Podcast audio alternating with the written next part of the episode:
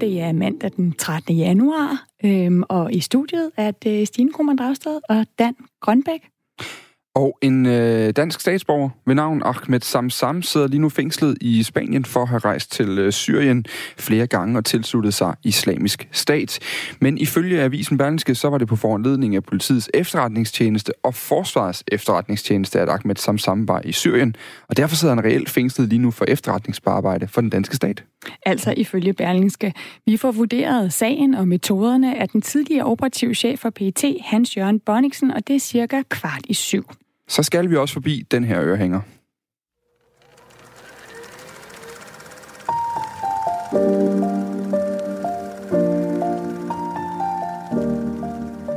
Det er Luca, Lucas Grahams storhit Seven Years, som vi her hører en bid af, og det nummer var det mest indtjenende af en dansk artist i det forgangne årti.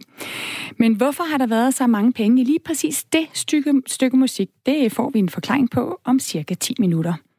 Hvis du nu ikke har mulighed for selv at komme til og fra undersøgelse eller på hospitalet, så er vores øh, sundhedssystem sådan indrettet, at du kan blive kørt eller få betalt kørsel med for eksempelvis taxa til sygehuset.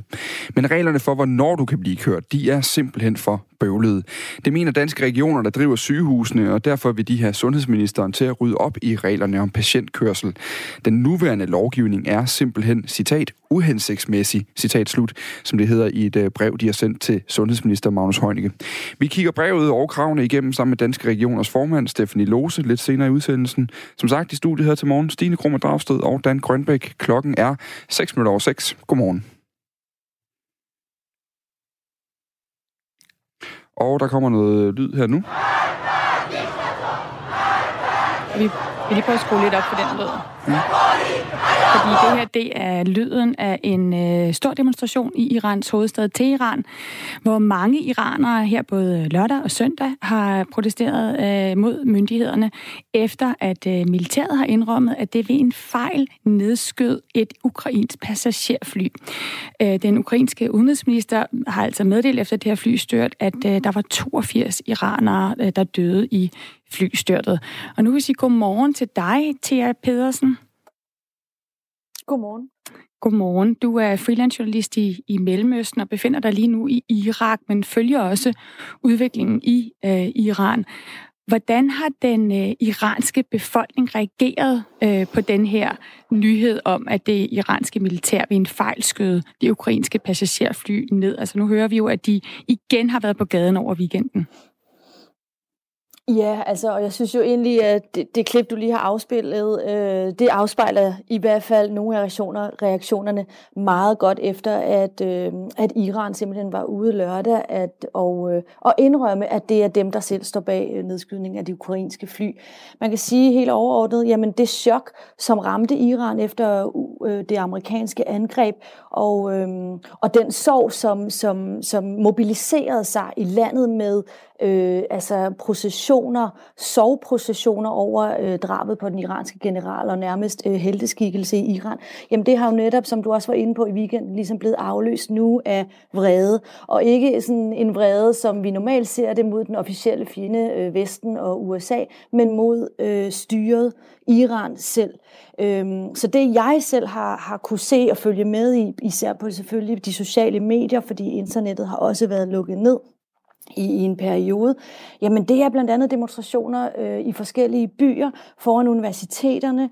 Øh, noget, som måske flere steder startede som mindehøjtidligheder, men, men senere hen udviklede sig til reelle demonstrationer, hvor folk simpelthen har råbt meget stærke slagord, slagord altså for Iran meget stærke slagord øh, og højlytte protester, som blandt andet... Øh, lyder i retning af, at man vil, man ser, øh, man, der, der er blevet sagt død over løgnerne, altså det iranske styre, øh, og de vil, de vil have Ayatollah øh, Khomeini skal træde tilbage. Vores fjende, det er ikke USA, som vi får det at vide, men vores fjende er lige her inden for, inden for vores eget lands grænser. Øh, det jeg selv også har set på andre videoer, det er blandt andet... Øh, plakater af den afdøde øh, iranske general øh, Qasem Soleimani, som demonstranterne simpelthen har revet ned. Jeg har også set demonstranter øh, på videoer, der simpelthen træder uden om øh, Israels og det amerikanske flag. Det er jo sådan meget velkendt i Iran, at man, man blandt andet maler øh, USA's flag på, på jorden, så folk bevidst i nedværdende gestus øh, simpelthen kan træde på, flagen, mm. på flagene. Og det har jeg blandt andet også set, og det er også for Iran ganske uset, vil jeg sige, øh, i forhold til hvad, vi, hvad man ellers plejer at se. Når det så er sagt, ja, vi har set en masse demonstrationer, øh, og det er jo ikke sikkert, det er slut med det endnu, men selvfølgelig slet ikke, øh, vi har slet ikke set antallet af folk på gaden i samme målestok, som vi så i soveprocessionerne efter Qasem Soleimani her øh, for nogle dage siden. Øhm, Thea øh, Pedersen, som altså er altså freelance journalist i Mellemøsten, du nævner nogle af de her øhm, Øh, Øh, tilråb, som demonstranterne er kommet med, død over løgnerne. Øh, der er også øh, et tilråb, som chefkommandant træder tilbage, vi har hørt altså. Og der skal vi lige nævne, at det er jo det her med, at det fly, som, som styrtede ned, eller blev skudt ned onsdag morgen med 176 passagerer ombord, det tog altså tre dage fra for Iran at erkende, at det var regeringen, der havde skudt det her ned ved, ved en fejl. Og de siger selv, at det var en utilgivelig utilgivelig fejl. General uh, Amir Ali Hajazadi fra Irans revolutionære garde har været ude at sige, at han tager fuldt ansvar for nedskydningen, og han siger også, jeg har lyst til at dø, øh, da jeg fandt ud af, at det her skete. Vi har også haft præsident. Hassan Rouhani, øh, som beskriver nedskydningen af flyet som en utilgivelig fejl. Men er der blevet stillet nogen til ansvar i Iran, ud over de her undskyldninger? Øh, som jeg ved det på nuværende tidspunkt, nej, så, nej, så er der ikke øh, effektueret nogen deciderede øh, øh, hvad skal vi sige, øh, direkte, øh, der er ikke nogen, der er blevet retsforfulgt endnu, og det er jo lige præcis også derfor, at øh, demonstranterne har været på gaden, det var det, man har hørt i flere slagråb, at, at de kræver folk stillet til ansvar. Og hvem der kommer til at skulle tage det ansvar, ud over de officielle udmeldinger, vi nu har set med, med, med kommandanten fra, fra Revolutionsgarden osv., det bliver jo interessant at se i, i, den, kommende, i den kommende tid. Men, men det man kan sige er jo, at, øh, at øh, som du selv var inde på, jamen styret har jo bevidst øh, løjet for sin befolkning i adskillige dage, forsøgt at, øh, at, øh, at, øh, at nedtone, hvad der egentlig var sket, og, og, og førte det over på, at det skulle være en, øh, som en amerikansk konspirationsteori, som, som, som der ofte bliver set, men har simpelthen måttet krybe til, til korset nu og erklære, at det er dem selv, der står bag. Øhm, har den her nedskydning af passagerflyet, øhm, og det, at man har kendt den her fejl, og så den reaktion, den voldsomme reaktion, vi nu ser fra befolkningen, i, i hvert fald i Teheran og nogle andre byer på det, har den nogen betydning for den her konflikt mellem Iran og USA? Altså, du nævner også selv, at, at, at vi har lige haft øh, de her begravelsesprotester, hvor folk har råbt død over USA. Nu ser vi så måske nogle mm. andre øh, demonstranter på gaden, der råber død over øh, løgnerne til deres eget regime. Altså, hvad betyder det her for, for konflikten mellem Iran og USA? Altså jeg tror godt, man kan sige, at i et eller andet omfang har den nye udvikling, vi så i løbet af weekenden, og de her oplysninger, og, den, øh, og at det iranske styre selv har været ude at slå fast og erkende, at det var dem, der stod bag. I et eller andet omfang har det jo været med til at deeskalere den overordnede, enormt højspændte konflikt mellem Iran og USA i et eller andet omfang. Øhm, man kan sige, at nogen vil måske lige fremgå så vidt at sige, at det næsten er en, øh, altså en utilsigtet gave for USA og for Donald Trump, fordi at fokus jo lige nu internt i Iran, i Iran især er rettet mod, mod styret selv. Altså det der, var jo, det, der jo er lidt interessant at se jo, er jo, og som jo andre eksperter vurderede måske var, havde været en fejlslutning for, fra Trumps side at begå den her, det her angreb, jamen det var jo, hvordan vi så, at netop øh, at Soleimanis død var med til at mobilisere 100.000 viser af iranere, der gik på gaden, fordi Øh, de, de betragter det som et decideret en krigserklæring mod Iran, og fordi at han havde den her nærmest faderskikkelse i landet. Men til at vi nu ser, at de protester, som nu de demonstranter, som nu er på gaden, netop er vendt mod øh, styret selv og har de her meget markante og meget højlytte protester øh, direkte øh, faktisk mod den, den åndelige leder, øh, Ayatollah Ali øh, Khamenei. Øhm, og man kan sige, at vi skal, vi skal nok lige have med i, i, en, i en fodnote her, at Iran jo har i, i de forgangne måneder haft interne protester, som er blevet slået meget hårdt ned. Så man kan sige, at det er måske også en afløber, der nu er de tidligere protester, som nu i et eller andet omfang øh, blusser op igen. Og så i forhold til forholdet mellem i netop USA lige, og Iran. Undskyld, hvis jeg lige afbryder dig med at spørge dig om ja. det. Altså, ved du, hvor hårdt der er blevet slået ned på de her protester over weekenden? Øh, over weekenden har det, øh, har, som jeg sagde tidligere, har demonstrationerne, tror jeg, været forholdsvis afgrænset. Altså det, jeg selv har kunne se, er, at øh, der har været noget tårgas, men det er igen, jeg kan ikke sådan umiddelbart verificere mm. alle de her videoer, og alt hvad der foregår på de sociale medier, men, ja, men, men det er i hvert fald øh, alment anerkendt, og især også ifølge øh, Amnesty, at de tidligere protester, som jo har været i forbindelse med nogle andre ting, øh, der der har styret virkelig slået hårdt ned. Men igen, øh, Iran har det også med at lukke ned for, hvad skal vi sige, kommunikationskanalerne, og derfor er det ikke altid, øh, at vi får hele sandheden at vide øh, og omfanget af, hvad der er, der foregår. Det, men det jeg lige vil sige, for at vende tilbage... Ja, ja undskyld. Ja, ja men jeg tror, vi, vi siger tak øh, til Pedersen, øh, som altså er freelance journalist i Mellemøsten, og befinder sig i Irak lige nu, for at give os det her overblik, og netop også lige understrege til sidst, at det er jo meget svært at få overblikket over, hvad der foregår, fordi blandt andet internettet øh, bliver, bliver lukket ned, fordi den her konflikt, øh, der er så mange parter på forskellige sider.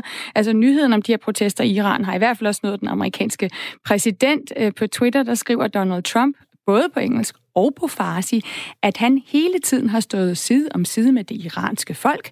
Han skriver, til de modige, lidende iranere, jeg har stået side om side med jer siden begyndelsen af mit præsidentembede, og min administration vil fortsat bakke op om jer.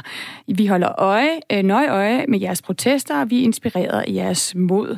Øhm, og så kommer han også med en advarsel til Irans ledere. Øh, han skriver, at menneskerettighedsorganisationer skal have mulighed for at rapportere om, hvad der sker under demonstrationerne. Verden holder øje. Og vi kan lige så slut sige, at det jo alt ikke bare er Irans styre, der har problemer øh, efter den her konflikt mellem Iran og USA. Donald Trump er også blevet bedt om at redegøre for, hvad det egentlig var for nogle konkrete trusler, som gjorde, at man dræbte den her general, øh, Qasem Soleimani. Klokken er 17 minutter over 6, det danske rettighedsselskab Koda, de har offentliggjort en øh, liste over de 20 mest indtjenende numre i det seneste årti blandt deres medlemmer, altså blandt øh, danske artister. Og det er altså de numre, der simpelthen har høvlet flest øh, mønter ind over skrænten, når det skulle sælges ude i det store øh, udland blandt andet. Så det er øh, af alle lyttere øh, verden over. Det er det danske band Lucas Graham, der ligger nummer et. Det gør de øh, med den øh, sang, der hedder Seven Years fra 2015, som altså er den mest indbringende sang. Godmorgen til dig, Bjørn Emil Sal. Nu skal jeg lige tænde sådan der, så kan man også høre dig måske, hvis vi er rigtig heldige. Sæg godmorgen igen. Ja, lige præcis. Det var godt. Øh, du har været på musikprogrammet Indbegrebet af på øh, det digitale medie Heartbeats. Det er rigtigt, ja. Hvor I jo virkelig går i dybden med musikken, må man ja, sige. Ja, det kan man godt sige. Vi, vi graver lidt dybt.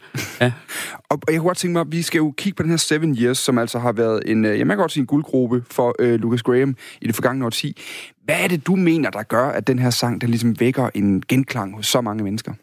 Jeg vil sige, det, det, er jo ikke, ja, det er jo ikke den sang, som er indbegrebet af Lucas Graham som sådan, men den har et enormt hitpotentiale, jo, som den så også har vist ved, at den har nået de her milliard mm. streaminger på Spotify. Og jeg tror, det eneste dansker, der stadigvæk har flere end det, det er Mø, som har lige 300 millioner mere. Ja.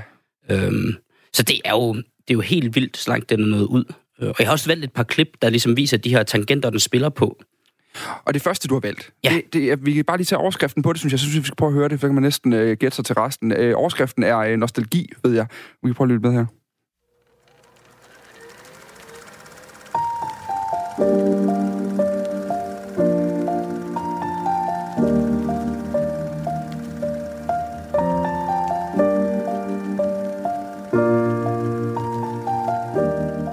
Kan man næsten høre øh, sangen gå i gang lige derefter, ikke? Ja, ja, det er jo næsten umuligt at stoppe sin hjerne fra ligesom at lytte, ja. hvis resten af man har allerede på hjernen her.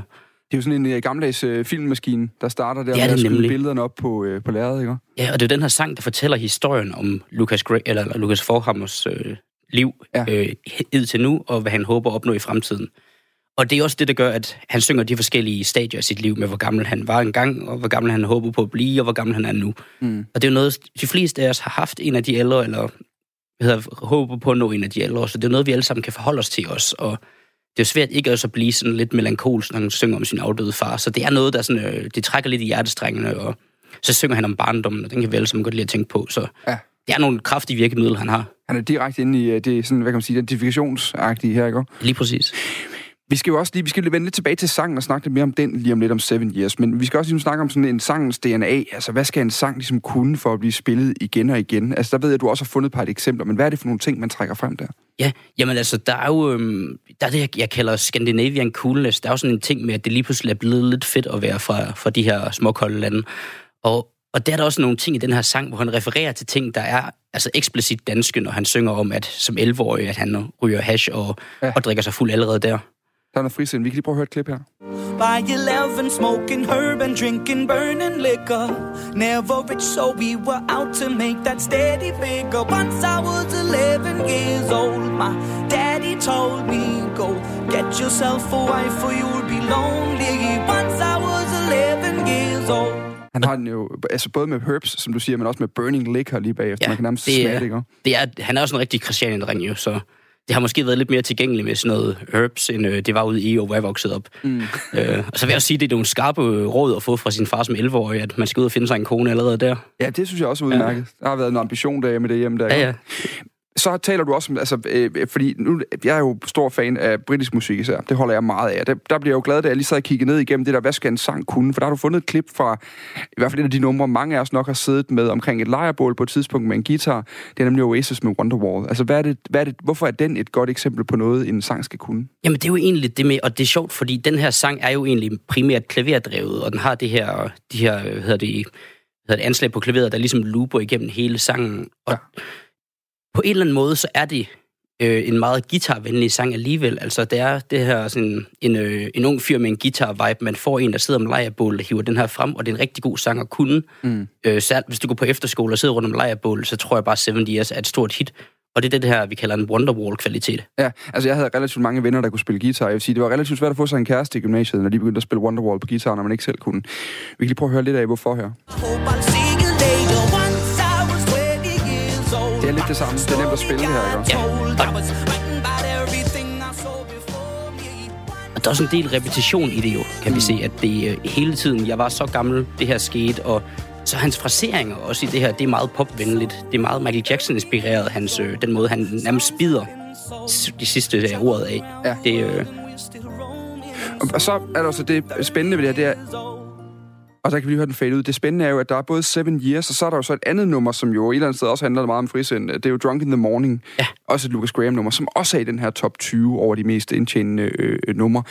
Du var lidt inde på det i starten, altså at, at Seven Years ikke som sådan nødvendigvis er indbegrebet. Nej, jeg, jeg vil sige, Graham? at nu er det ikke fordi, at normalt så plejer jeg at høre en hel diskografi, Ja. inden jeg finder ud af, hvad indbegrebet er. Øh, og Lucas, Lucas Graham, der er jo ikke så mange plader, som der for eksempel er med Queen. Nej. Men, men af det, jeg kender til ham, så vil jeg sige, at den mangler lidt øh, et element af, af, af sex. Mm. Øh, for eksempel den der How Come You Don't Strip No More, eller Ja. Drunk in the Morning, der handler om at give et booty call. Jeg vil sige, det er jo sådan, måske lidt mere, øh, når vi kommer ind til, hvad der egentlig går igen i, i hans tekstunivers. Ja. Og hvad, hvad er det specielt? Altså, vi, jeg synes, vi kan lige prøve at høre et, øh, et klip her nu, som, øh, som netop er fra øh, Drunk in the Morning. Nej, det er fra der. Sorry. Daddy got 61. Remember life, and then your life becomes a better one. I made a man so happy when I wrote a letter once. I hope my children come and visit once or twice a month. Soon I'll be 60 years old. Will I think the world is cold? Or will I have a lot of children who can bore me? Soon I'll be 60 years old. Her bliver det meget storladent. Altså, Det bliver da rigtig storladent. rigtig volumløst. Og det er også her, hvor det handler om, at hans far kun blev 61, og han håber på at nå længere end det, og Mm. det skal han sgu nok. Han ser sådan noget rask ud. Øhm, men, men, øh, men den har også det her med, at den er altså meget øh, relaterbar for alle, fordi vi håber alle sammen at blive i hvert fald 62 år gamle, og så samtidig er den så personlig, fordi den tager fat i de her meget konkrete ting fra Lucas Grahams egen oplevelse af livet. Mm. Og det virker bare meget ærligt og sårbart, og så det kombineret med, at vi har det her ukendte bane for amerikanerne og englænderne fra Ja. ja. det lille Danmark, så virker det meget spændende og eksotisk, og jeg tror, det er det, der har gjort, at det er blevet så stort et hit. Det, det interessante er jo også, hvor grænsen går mellem det, hvad kan man sige, på en eller anden måde universelle. Vi alle sammen kan relatere til, at vi vil gerne blive gamle, vi vil Mm. gerne have nogle børn, vi vil gerne have en, en far, der lever længe, alle de her, og hvornår det bliver så banalt, at det bliver sådan lidt ligegyldigt. Altså min personlige mening er, at det måske er lidt banalt. Øh, Jeg, det, er ikke, det er ikke lige min kop te selv, men, øh, Men jeg kan godt se, hvorfor det er, at den virker, og den, nu har jeg hørt den meget hen over weekenden som forberedelse, og den er, det, altså, den er let at have kørende i baggrunden også. Den er catchy. Ja. Stine, du boede jo i USA i mange år. Øh, og også mens det her nummer sådan for alvor øh, røg afsted over, hvor stort var det egentlig? Fordi vi har siddet herhjemmefra, der bliver jo altid de danske medier sådan, åh, se, nu er der en dansker, der er stor i USA. Det spillede hele tiden. Altså, der er to numre, som jeg kan huske, øh, ligesom med danske numre, som øh, slog igennem derovre. Det ene var Møs nummer, og det andet det er det her. Og det var simpelthen bare på hele tiden. Og jeg tror også, det er det der. Jeg tror faktisk, det er en god idé, at han ikke, han ikke sang om sex. så det er sikkert, det var blevet... Ja, det gør det nummer, lige lidt mere PG. Ja, altså det bliver spillet på alle de forskellige... Det betyder meget, det kan blive spillet på alle de forskellige amerikanske radiostationer.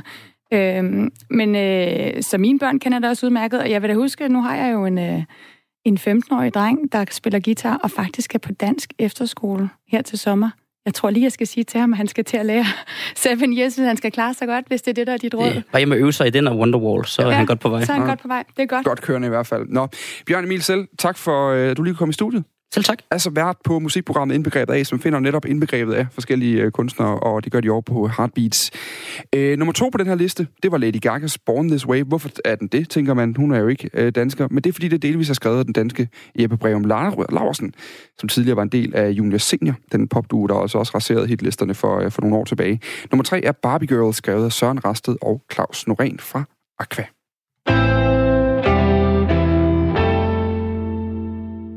Krigsfotografen Jan Graup er lige nu i Sydsudan, hvor han de næste par uger her på Radio 4 dækker den borgerkrig, der startede i 2013, men som har fået en del mindre opmærksomhed end for eksempel krigen i øh, borgerkrigen i Syrien og i Libyen.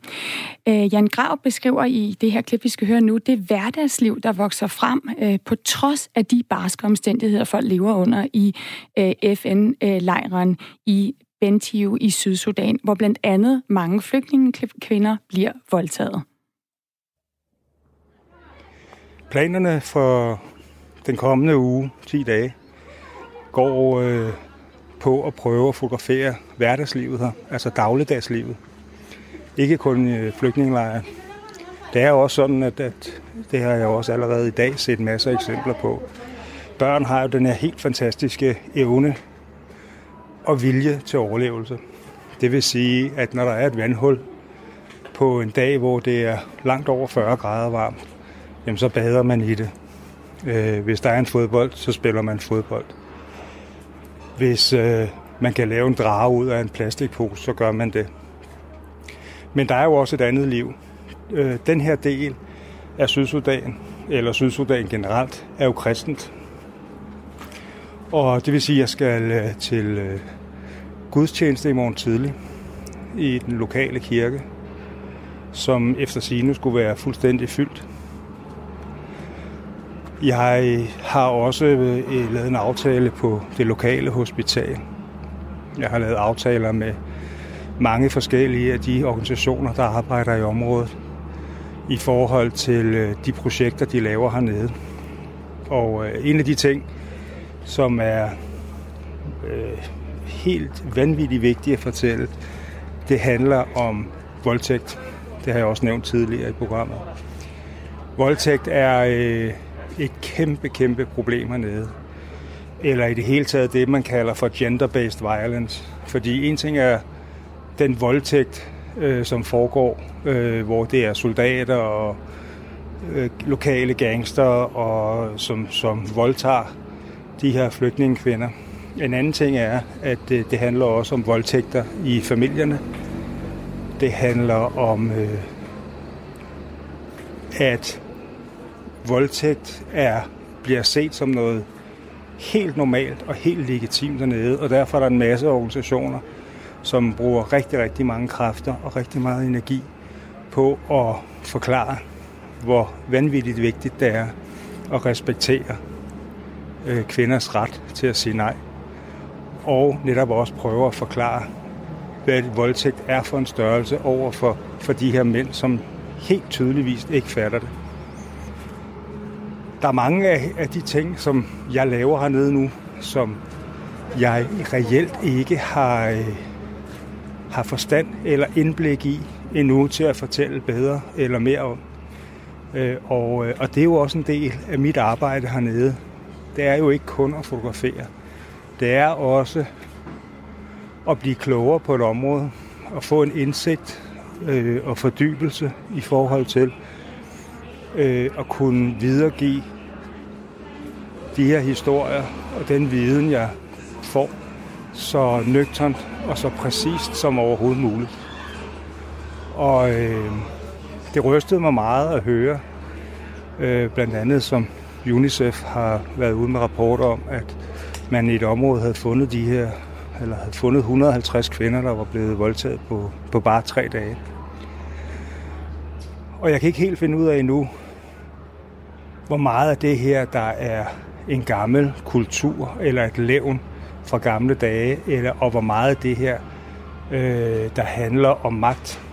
Øh, jeg har jo oplevet det her ske mange gange i mange forskellige øh, konflikter rundt omkring. Ikke kun i Afrika, men det her med, at en militsenhed, der rykker frem, voldtager kvinder som, øh, som en magtudøvelse for at vise, at det er dem, der bestemmer. Hvor meget af det, der sker her, er baseret på præcis den type øh, kriminalitet, og hvor meget af det er mere en, en øh, kulturel ting. Altså det her med, at manden bestemmer over kvinden, og at, øh, at derfor kan han tillade sig at gøre, hvad han vil. Det her det var altså et udklip fra programmet I Orkanens Øje, der bliver sendt i dag øh, klokken 5 minutter over 1, øh, og programmet findes også på podcast her på Radio 4. Og nu skal vi have et nyhedsoverblik med Signe Ribergaard. Klokken er halv syv.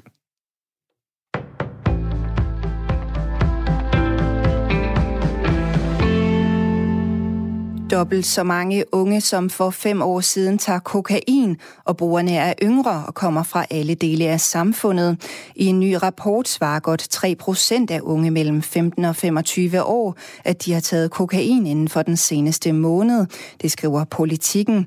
Og de tal bekymrer Henrik Rendum, der er overlæge og misbrugsbehandler ved stofrådgivningen, men han er ikke overrasket.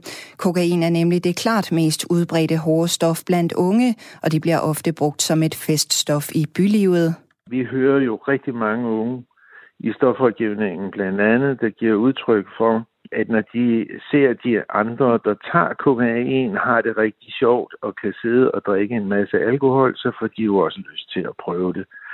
Det ulyksalige er, at det også en gang imellem fører til, at unge mennesker går ud og køber det selv, og dermed ikke gør det sammen med nogen, der ved, hvordan man skal håndtere det her stof.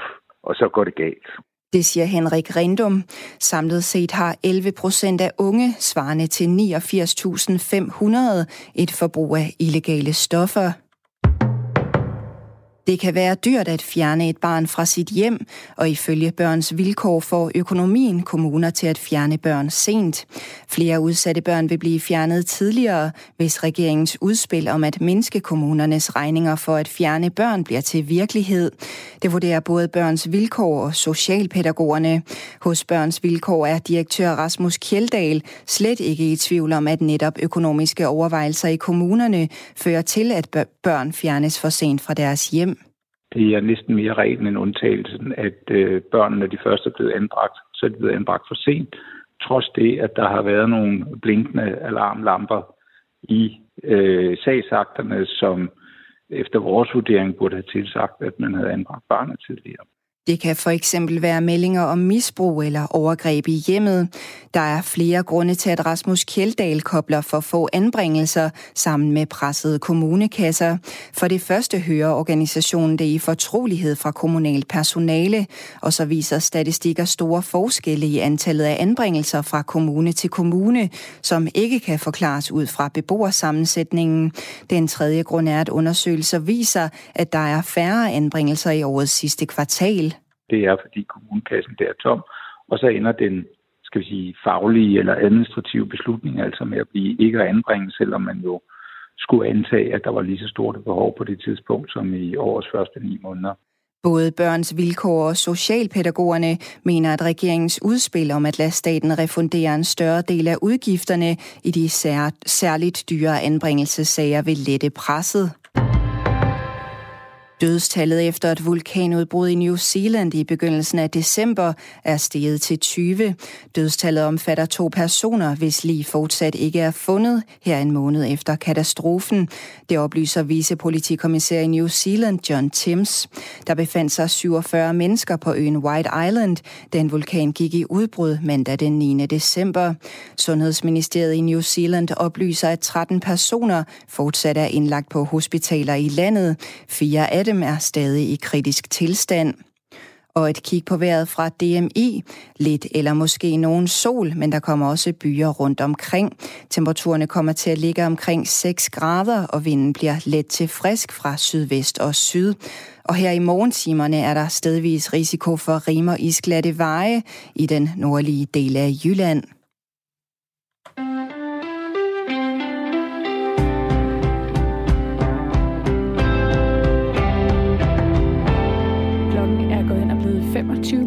Syv, og det er stadig øh, Stine Krohmann Ravsted og Dan Grønbæk, der er i studiet her på Radio 4 morgen. Med en historie om, at reglerne for, øh, hvor patienten kan blive hentet og kørt til behandling og afleveret bagefter, øh, om pårørende kan komme med på hospitalet, og om hvem der for eksempel kan få dækket udgifter til kørsel til og fra behandling, de er altså rode. Der er problemer med reglerne for patientkørsel, og derfor har danske regioner nu sendt et øh, brev til sundhedsminister Magnus Heunicke. Og øh, vi kan sige øh, godmorgen til dig, Stephanie Lose. Godmorgen. Du er formand for øh, Danske Regioner og øh, Venstrekvinde, øh, som altså så står bag det her brev. I brevet til sundhedsministeren, der efterlyser I flere tiltag, og jeg tænkte, vi lige kunne løbe dem igennem sammen. I skriver blandt andet, at der er behov for hjemkørsel til et andet sted end bopælen. Hvorfor det? Jamen i de her tider, hvor at øh, opholdene på hospitalet bliver kortere, der er det jo meget normalt, at øh, især ældre medborgere øh, ikke kommer til eget hjem efter en hospitalsindlæggelse, men måske kommer forbi en af kommunens akutpladser eller rehabiliteringspladser, eller hvad nu kommunerne rundt omkring øh, kalder øh, dem. Og det har vi faktisk nogle gange problemer med at kunne gøre inden for lovgivningens rammer. Og og hvad er problemet? Fordi det er jo sådan noget, jeg, nu har jeg siddet og kigget brevet igennem, og mange af de her ting er jo sådan noget, hvor man tænker, det her det giver jo øh, god mening, at det burde være sådan. Altså, hvordan er, øh, er reglerne på området i dag? Jamen helt generelt så bærer reglerne jo præg af, at de er ved at være øh, ret gamle. Det er en bekendtgørelse fra midten af 90'erne, der regulerer det her område. Og man må jo bare sige, at der er sket rigtig meget i sundhedsvæsenet siden da. Både med, hvor langt der er til sygehuset, og øh, hvor, hvor mange steder behandlingerne foregår. Øh, med det her med, at man bliver udskrevet fra sygehuset i bedre tid. Øh, Øh, når det handler om øh, børn, der er indlagt, øh, så øh, tror jeg også, at vi i dag har en langt større forventning om, at øh, både mor og far er med på sidelinjen hele vejen igennem. Så det er bare nogle af de ting, der når at ændre sig i et samfund over en ret lang periode, og derfor så skal de her regler gøres mere tidsvarende og nemmere at administrere. Og, og, og i princippet, så kan man sige, at vi taler om, nu øh, det har været svært at finde nogle sådan samlede tal, men region, alene i Region Midtjylland, som uh, vores reporter på historien har talt med det her, der drejer det sig altså om, om, når man kigger på bare det, der hedder siddende patienttransporter, som der er rigtig mange af, altså hvor folk bliver kørt til eller fra undersøgelse for eksempel, der er der altså tale om 420.000 i år øh, uh, 2019, der blev gennemført der. Så det er relativt store antal. Øhm, man kunne jo også øh, være en lille smule øh, øh her, og så sige, kan, altså er det ikke borgernes egen pligt at sørge for at komme derhen, hvor de skal? Altså, eller er det, er det, er det skatteborgernes ansvar, at folk kan blive kørt hjem på, øh, på, øh, på den fælles regning, så at sige? Ja, jeg synes, det er vigtigt at huske, at der er jo for en stor dels vedkommende her øh, tale om for eksempel, som jeg nævnte for, før, ældre medborgere, som ikke bare lige øh, kan fragte sig selv, og som i en tid, hvor sundhedsvæsenet er blevet mere og mere specialiseret, også har fået længere til behandling på sygehusene. Det er jo ikke hvem som helst, øh, der bare lige har ret til at blive transporteret hjem fra et sygehus. Man skal leve op til en lang række kriterier. Mm. Til gengæld må man sige, dem vil vi faktisk rigtig gerne give en god hjælp og en god service, og det synes vi ikke altid, vi har mulighed for inden for de rammer, øh, som reglerne giver for at arbejde øh, i dag. Så for os er der ikke tale om for eksempel et ønske om at spare eller noget, der er simpelthen et ønske om at kunne give den rigtige hjælp på det rigtige tidspunkt øh, til de borgere, som vi ser i sundhedsvæsenet. Ja, og vi kan prøve at lige dykke ned i brevet igen, for en af de andre ting, I også øh, gerne vil have revideret, det er altså, at I mener, der er behov for transport på tværs af regioner. Kan du ikke lige prøve at forklare, hvad det er for en problemstilling, der ligger til baggrund for, øh, for, for det ønske om ændring der? Jo, det er sådan, at øh, der er selvfølgelig en lang række øh, tilfælde, hvor vi godt kan transportere på regionsgrænser, øh, på tværs af regionsgrænser, men der er også nogle steder, hvor at borgerne vælger et sygehus i en anden region, selvom det, øh, fordi det simpelthen er tættere på dem, øh, hvis man for eksempel bor tæt på en regionsgrænse. Men i praksis betyder det så, at man som borger øh, bruger sin ret til udvidet frit sygehusvalg, Øh, og hvis man gør det, øh, så øh, er det at, sådan, at så er transportreglerne anderledes. Så er der nogle andre regler for, hvordan man bliver transporteret. Hvordan er så, de regler så i det er sådan endnu et eksempel. Hvad siger Hvad, du? hvad er forskellen? Ja, hvad, hvad, er det så for nogle regler? Hvad betyder det så for mig som borger, når, når jeg ryger ind under det andet regelsæt her?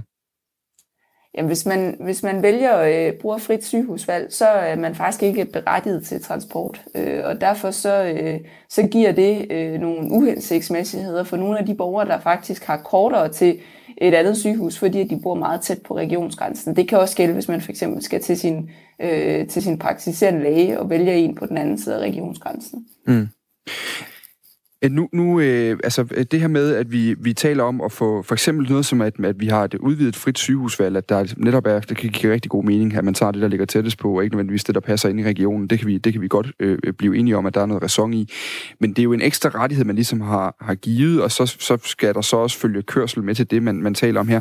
Det lyder også som en ekstra udgift. Nu siger du, der ikke er behov for, det er ikke et spareting, og det er ikke alle mulige andre ting. Vil det her blive dyrere, Stefanie Lose? Nej, det er ikke ambitionen øh, fra vores side. Altså i det konkrete tilfælde, der kan man jo faktisk opleve, at borgeren har ret til kørsel til noget, som ender med at være dyrere, end øh, det alternativ, borgeren godt kunne have tænkt sig. Og det er jo sådan lidt paradoxalt, at, paradoxalt, at vi så ikke øh, altid kan imødekomme det.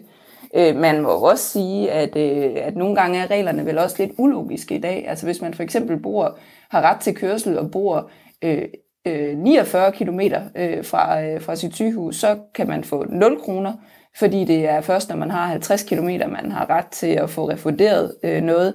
Men hvis man bor 51 km fra sygehuset, så kan man få for alle 51 kroner. Det synes jeg også øh, er, en, er, en, er en mærkelig regel. Øh, og derfor så kan man sige, jeg tror sådan set også, at hvis man går de her regler igennem en telcount og gør den nemmere at administrere, nemmere at forstå, øh, mere tidsvarende og passende til vores sundhedsvæsen, så er der måske nogle ting, der vil blive dyrere. Jeg tror egentlig også godt, der er nogle steder, hvor at, øh, det vil give en mere fornuftig administration og spare nogle penge. Mm. Så det her det er et ambition om at lave bedre regler, men hverken dyrere eller billigere regler. Man kan sige, at det her det er jo øh, noget, I skal tale med sundhedsministeren om, og det er jo fordi, det er jo nogle bekendtgørelser, der ligesom er, ligger, ligger i loven. Øhm, er, er der noget, I vil kunne gøre, som, altså du er jo selv øh, regionsrådsformand i, øh, i Region Syddanmark, altså vil, var der noget, I vil kunne gøre, bare dig og dine din fire regionsrådsformands øh, kolleger, altså ligesom finde nogle, nogle løsninger der, uden at skulle gå til, til ministeren, eller er det derinde, det skal komme fra? Jamen, vi bidrager meget gerne til det, der skal foregå hos ministerne. Vi har også øh, haft en rigtig fin dialog med sundhedsministeren, hvor han har tilkendegivet, at det er de meget indstillet på at se nærmere på. Og der vil vi selvfølgelig rigtig gerne bidrage til arbejdet. Men jeg mm. tror også, man må sige, at vi er nået dertil, hvor at når reglerne er så gamle, som de er, øh, og har så mange uhensigtsmæssigheder, som det er, så i stedet for, at vi lapper på dem ude i regionerne ved at finde ad hoc løsninger rundt omkring, så er vi også nået dertil nu, hvor vi har brug for en, en gennemgribende øh, hvad skal man sige, ændring af regelsættet, så det netop bliver mere tidsvarende og nemmere at administrere. Mm. Så det er simpelthen lovgivningen, der skal ændres nu, for man kan komme i mål med det her? Ja, det er i hvert fald den bekendtgørelse, der reguleres, øh, regulerer området. Øh, jeg er ikke øh, ekspert på øh, indretningen af selve lovgivningen, men, men det kompleks, der er fastsat fra centralhold, øh, der regulerer det her område, det skal der kigges på. Okay, men det er bare for at få på plads. Det er ikke noget, I selv kan gøre som regionsrådet derude? De sidste ting i Som sagt, jeg mener, at med de mange uhensigtsmæssigheder, der er, og med de mange elementer, der er i spil her, så i stedet for at lave lappeløsninger, og det kunne vi sikkert godt gøre på nogle af tingene, så er det nu på tide at give en gennemgribende, øh, gennemgribende eftersyn af hele området. Så lød det altså her fra Stephanie Lose, formand for Danske Regioner for Venstre og regionsrådsformand i Region Syddanmark. Tak fordi du kunne være med, Stephanie Lose. Velkommen. Altså en af afsenderne blandt øh, det her, eller bag det her brev, som øh, er landet hos øh, Sundheds- og ældreminister øh, Magnus Heunicke. Radio 4 har været i kontakt med øh, pressetjenesten i Sundhedsministeriet, som oplyste, at øh, Magnus Heunicke ikke kunne kommentere på sagen, og de i stedet så henviste de til sundhedsordføreren i Socialdemokratiet, Rasmus Langhoff. Sundhedsordføreren meldte så fredag tilbage på Radio 4's henvendelse, at han heller ikke kunne stille op til interview. Så vi ville gerne have talt med øh, folketingspolitikerne om det, men det var øh, simpelthen ikke muligt. Den 30-årige dansk-syriske mand, Ahmed Samsam, sidder lige nu i fængsel i Spanien for at have tilsluttet sig islamisk stat. Men ifølge en artikel, som Berlingske offentliggjorde i går, og som er på forsiden af avisen, jeg står med den her øh, i dag, øh, og fylder to sider i avisen, øh, jamen så er Ahmed Samsam ikke IS-kriger. Han er derimod øh, en dansk agent, der har været i Syrien for at lokalisere danske IS-krigere for danske efterretningstjenester.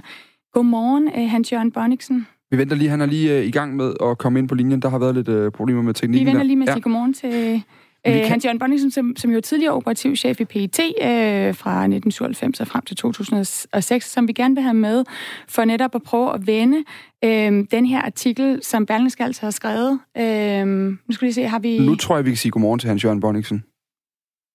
Ja, godmorgen da. Ja, godmorgen. Øhm, Hans-Jørgen Bonniksen, ifølge Berlingske, der sidder Ahmed Samsam fængslet i Spanien på grund af noget, han har udført for Danmark som agent for vores efterretningstjenester. Hvor sandsynligt er det, at en dansk agent er blevet brugt som agent på den her måde? Jamen, for det første vil jeg sige, at jeg tror, at de fleste, som jeg vil føle, at det er en trist og beskæmmende læsning, hvis efterretningstjenester er nedlægget til et justitsmord. Men, men problemet er faktisk, at den sandhed vil vi aldrig nogensinde få at vide. I hvert fald ikke så længe vi har en PET-chef, det hverken vil bede eller afkræve, hvorvidt måden er lavet af en grå eller grøn ost, som man på en sag i en anden sag. Mm. Dilemmaet er nemlig, at øh, vi efterlader som tvivl, at det er et partsindlæg fra en mere eller mindre dubiøs kilde, som meget forståeligt forsøger at slippe for 8 års fængsel, eller er det næsten utænkeligt, vores efterretningstjeneste er medskyldig i justitsmord. Og jeg har meget, meget, meget svært ved at forestille mig med det sidste.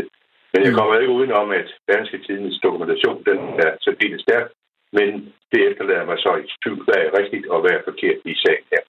Han John Bonniksen, jeg skal lige bede dig om, øh, jeg ved ikke, om du har din telefon på højtaler, men om du kan tage telefonen lidt tættere på, øh, på munden i hvert fald. Det er et, lidt, lidt øh, lang, langt væk lyd, vi har.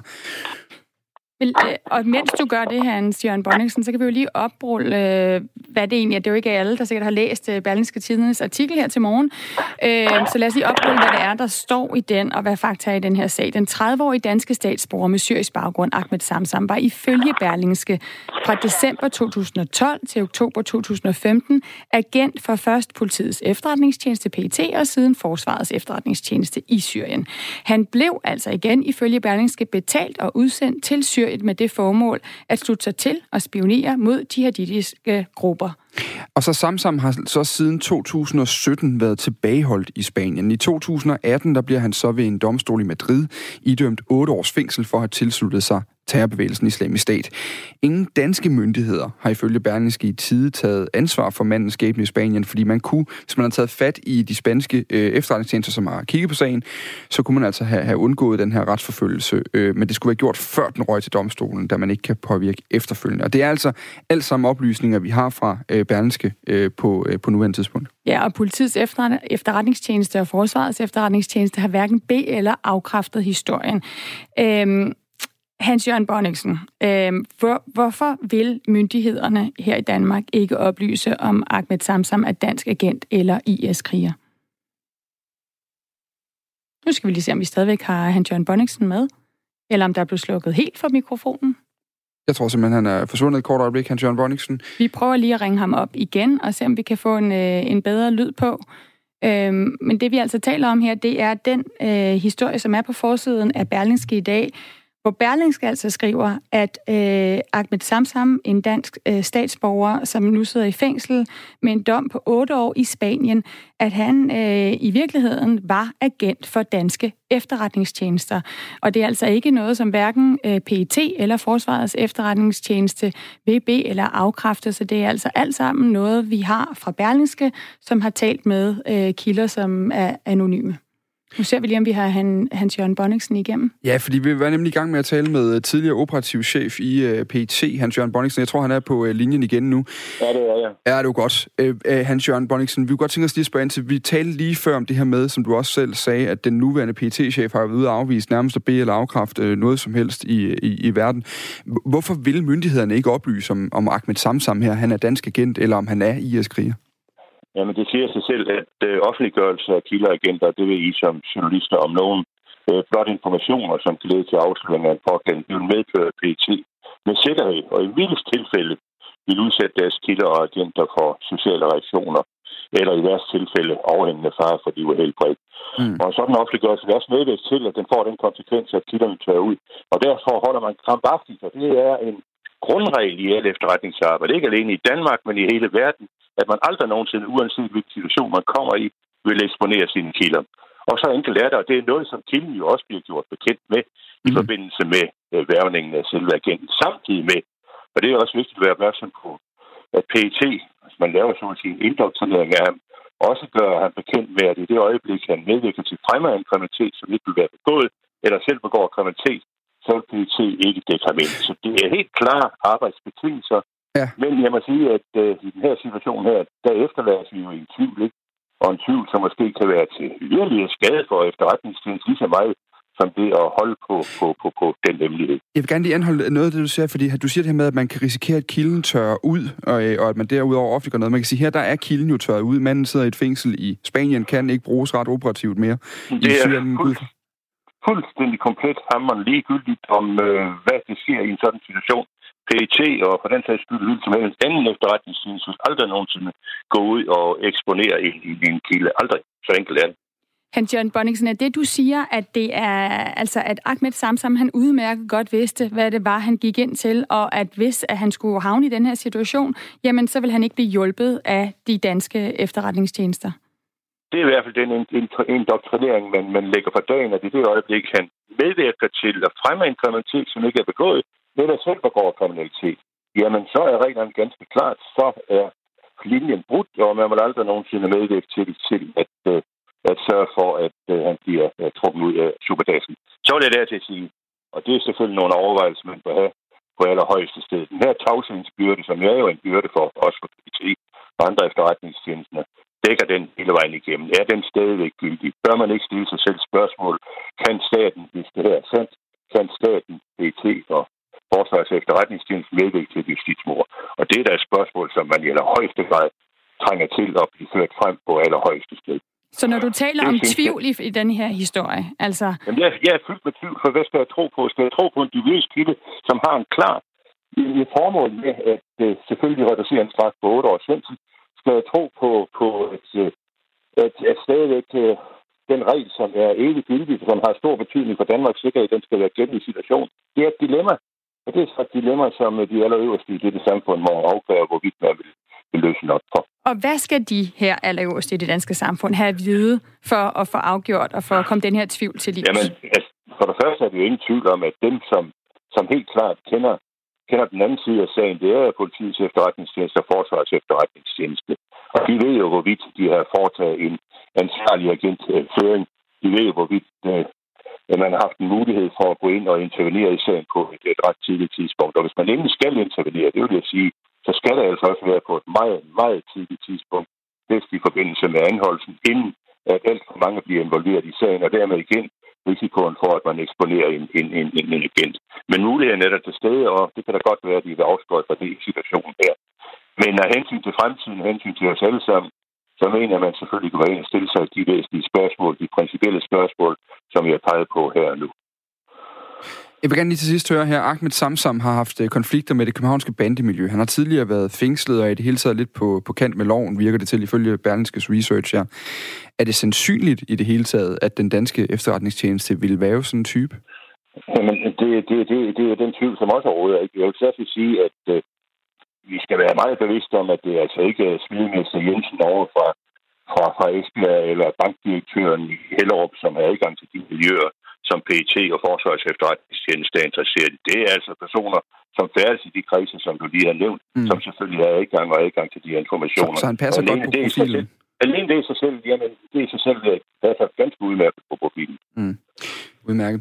Tak fordi du kunne være med her, Hans-Jørgen Bonningsen. Ja, velbekomme. Tidligere øh, operativ chef i øh, politiets efterretningstjeneste. Vi har kontaktet Justitsministeriet, men de har ikke ønsket at kommentere sagen, og vi skal bare igen lige nævne, at øh, PT PET over for Berlingske heller ikke har ønsket at kommentere den her sag.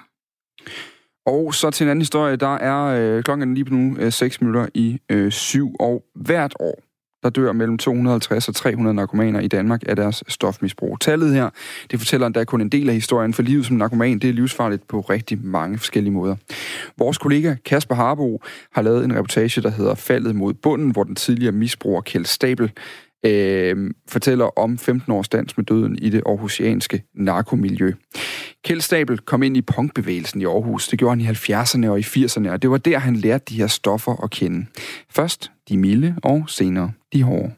Vi gik på et tidspunkt og havde nærmest sådan et slogan, eller hvad man skal kalde det, der hed punk er bedre end junk.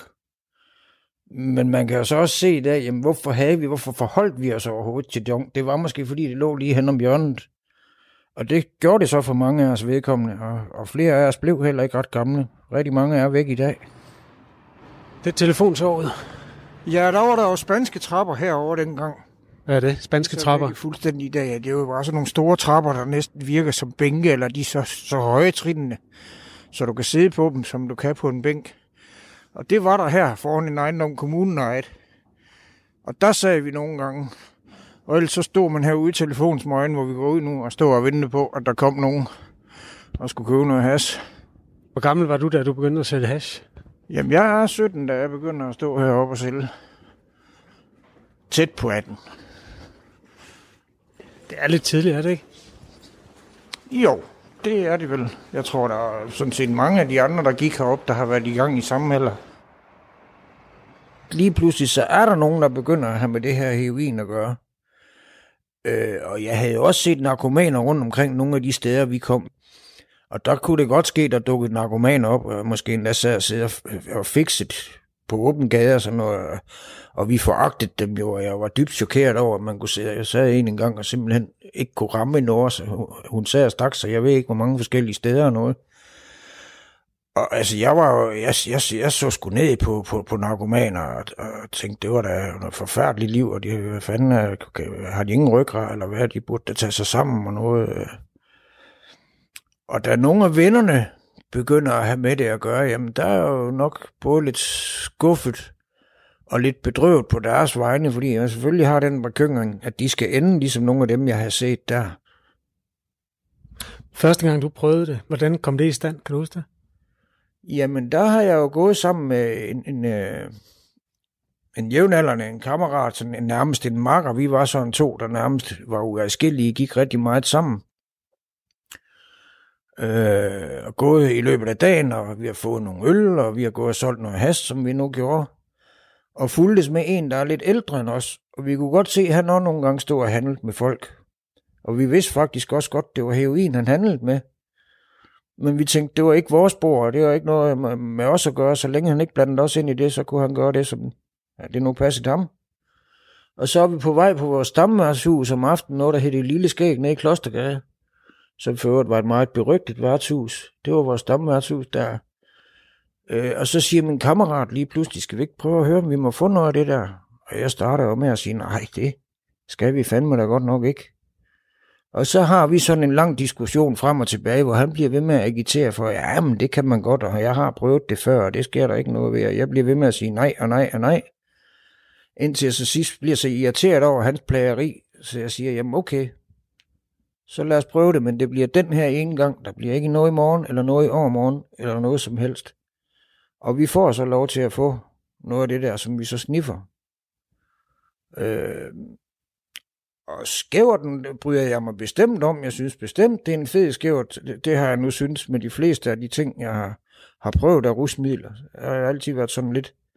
Altså has, det prøver jeg første gang som 13-årig, og det er decideret så stor en wow-oplevelse. Så jeg kommer i skole om mandagen og siger til alle mine klassekammerater, hey, der findes det der, der hedder has, det skal I fame til at prøve. Der har været ret meget øh, narkotikahandel lige det her sted, ved, lige ved, ved Domkirken, ja. lige ved Bispetov. Hvorfor var det så velegnet et sted? Jamen altså, der er for det første adgang til vand, og man køber stofferne i pulverform og skal have dem opløst i noget vand for at få dem op i en sprøjt. Og der var et toilet dernede? Der er simpelthen herretoilet til den ene side og dametoilet til den anden side her. Vi kan se døråbningerne, men der er sat plade for. Øh, det foregik her, det var også tæt på en varmestue, hvor dem, der solgte, de kunne komme ned og få varme, når de begyndte at fryse. Og jeg har selv kommet her rigtig meget, enten som en af dem, der købt, eller som en af dem, der sad og solgt. Så det er et sted, jeg har kendt rigtig meget for den tid af. På et tidspunkt ender jeg jo med at være afhængig af det. Og så er der sgu ikke ret meget gående i byen længere, så handler det stort set kun om hele tiden at skaffe penge til det her skige heroin. Og, at tage det, fordi man er inde i sådan en ond skrue, hvor det hele tiden handler om at være på forkant med abstinenser. Fordi abstinenser er rent helvede. Altså uanset hvor syge folk har prøvet at være med influenza og hvad man ellers skal komme i tanke om, med tarminfektion eller hvad det måtte være, øh, så kommer det ikke i nærheden af at have abstinenser, for det, det er virkelig et helvede, som man vil gøre alt for at undgå. Og hele tiden prøve at være på forkant med at nå at have skaffet stofferne, inden de kommer, og så videre. Så så var det jo lige pludselig det, mit liv det handlede om det meste af tiden. Kjeld Stabel er øh, 57 år i dag, og han har været stoffri i 25 af dem. Han var altså blandt de 5-10 procent, der kom levende ud af heroinmisbruget øh, dengang. Du kan finde reportagen Faldet mod bunden, som den hedder, som podcast i vores app eller på vores hjemmeside. Den ligger i den menu, der hedder Radio 4 Reportage. Og du kan også altid sende en sms ind til os på 1424, hvis du vil give dit besøg med på nogle af vores historier. Skriv R4 mellemrum, og så din besked. Og nu er klokken blevet øh, syv, øh, og Signe Ribergaard står klar med nyhederne.